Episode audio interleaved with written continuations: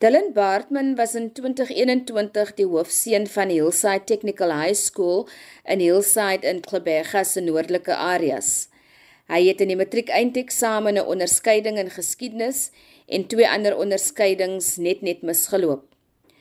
Sy storie het my aangegryp omdat hy in 'n twee-vertrekhuis bly in Salt Lake saam met sy ouma, sy ma, sy suster en sy suster se kind maar Dylan het besluit om sy omstandighede as 'n motivering te gebruik om uit te styg eerder as om dit te gebruik om uit te sak.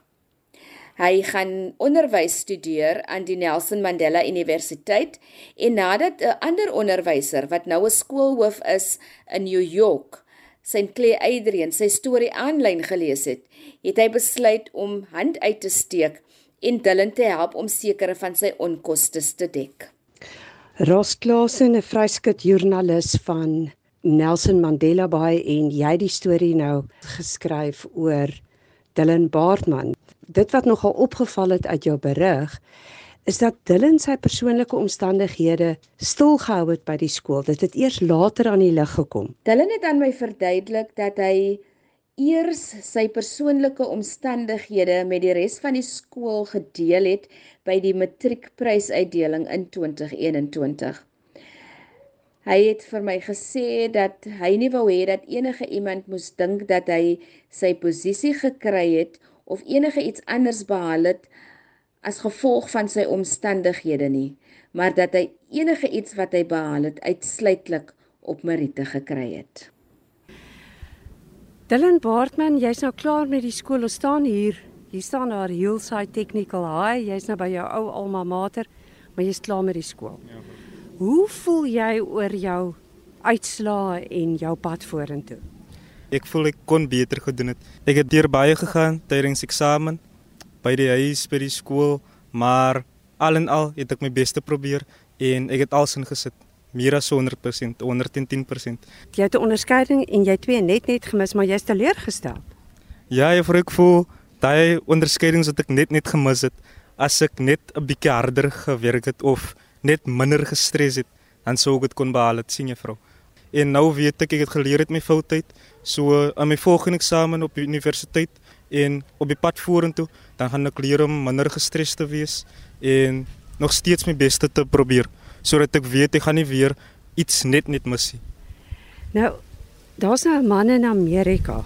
Is 'n skool in New York wat nou gaan help om jou studies te betaal en jou deur die universiteit te kry. En ek het gehoor die alumni, die oud leerdlinge van die skool het ook agter jou ingeskuif. Hoe voel jy daaroor? Alles wat gebeur op die oomblik, dit laat my vrees want soms dan sit ek in ek praat saam soos die meneer van oorsee, meneer Sinclair en ons het gepraat oor WhatsApp en so aan, maar die aand toe ek terug sit op my bed en kyk wat alles gebeur om my en die ondersteuning van die onderwysers by die skool wat anoniem wil bly, die ou leerders van die skool en nou uh, selfs oorsee se mense wat my wil help.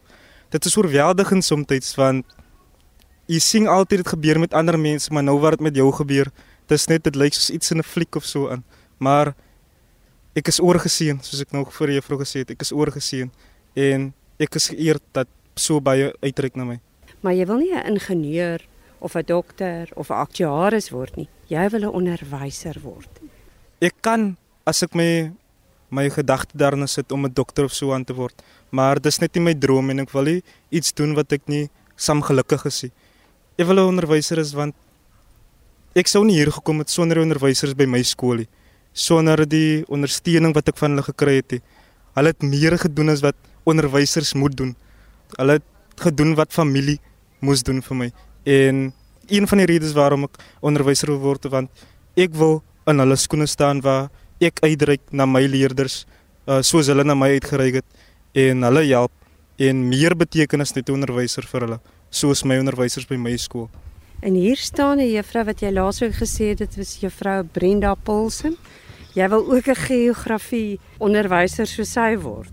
Dis eintlik my inspirasie wat van die juffrou af wat ek wil 'n onderwyser word, en spesifiek geografiese onderwyser. Ek wil eers 'n uh, prokureur geword het omdat my familie gesê het ek wil altyd wen en ek praat baie maar toe ek eers die vak kon kom leer het van van geografie en die juffrou het my maak verstaan dat dit soos als soos daaglikse lewe gebeur en die goede wat ons leer is net in 'n handboek. Ons ervaar dit elke dag. So dit het my net inspireer en as my net ek hou daarvan. Ek kan dit nie net beskryf nie maar ek hou baie daarvan en dis als dank aan die juffrou en die manier hoe die juffrou dit vir my geonderwys het en dit die boodskap vir my oorgedra het. Juffrou Brenda Paulsen en jy staan hier mens kan sien jy's so aangedaan. Ehm um, net kommentaar van jou absoluut 'n wonderlike gevoel wat 'n mens ervaar as 'n mens kyk na jou leerdlinge vir wie jy onderwys gegee het en as 'n mens byvoorbeeld nou kyk na die uitslaa Ons praat en voer nou 'n onderhoud hier met Dylan Baartman, ons vorige hoofseun van 2021 en my beste geografie student van 2021.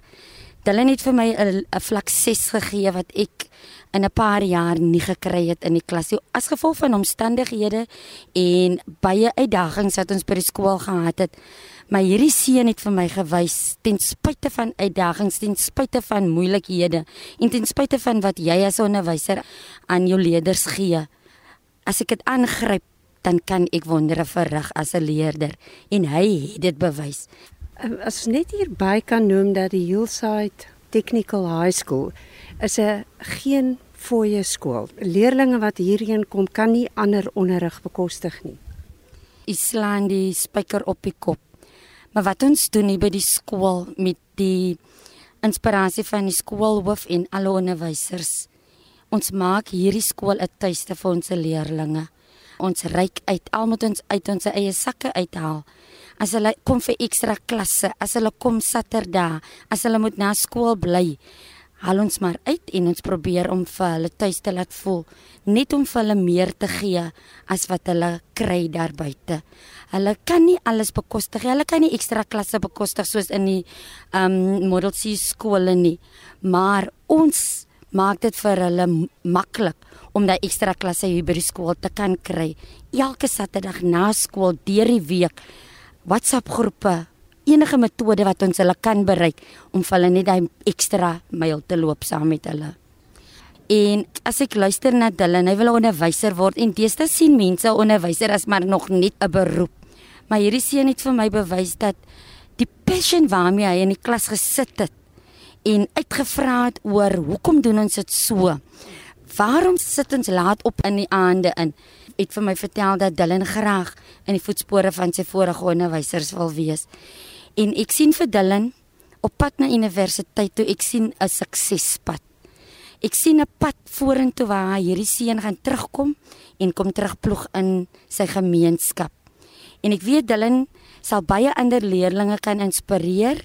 Ons gaan Dylan vra om terug te kom na die skool toe met ons graad 8ste kom praat, vir hulle te inspireer, sy storie vir hulle te vertel sodat hulle kan bewus wees. Maak nie saak waarvandaan jy kom nie, waar 'n wil is, is 'n weg.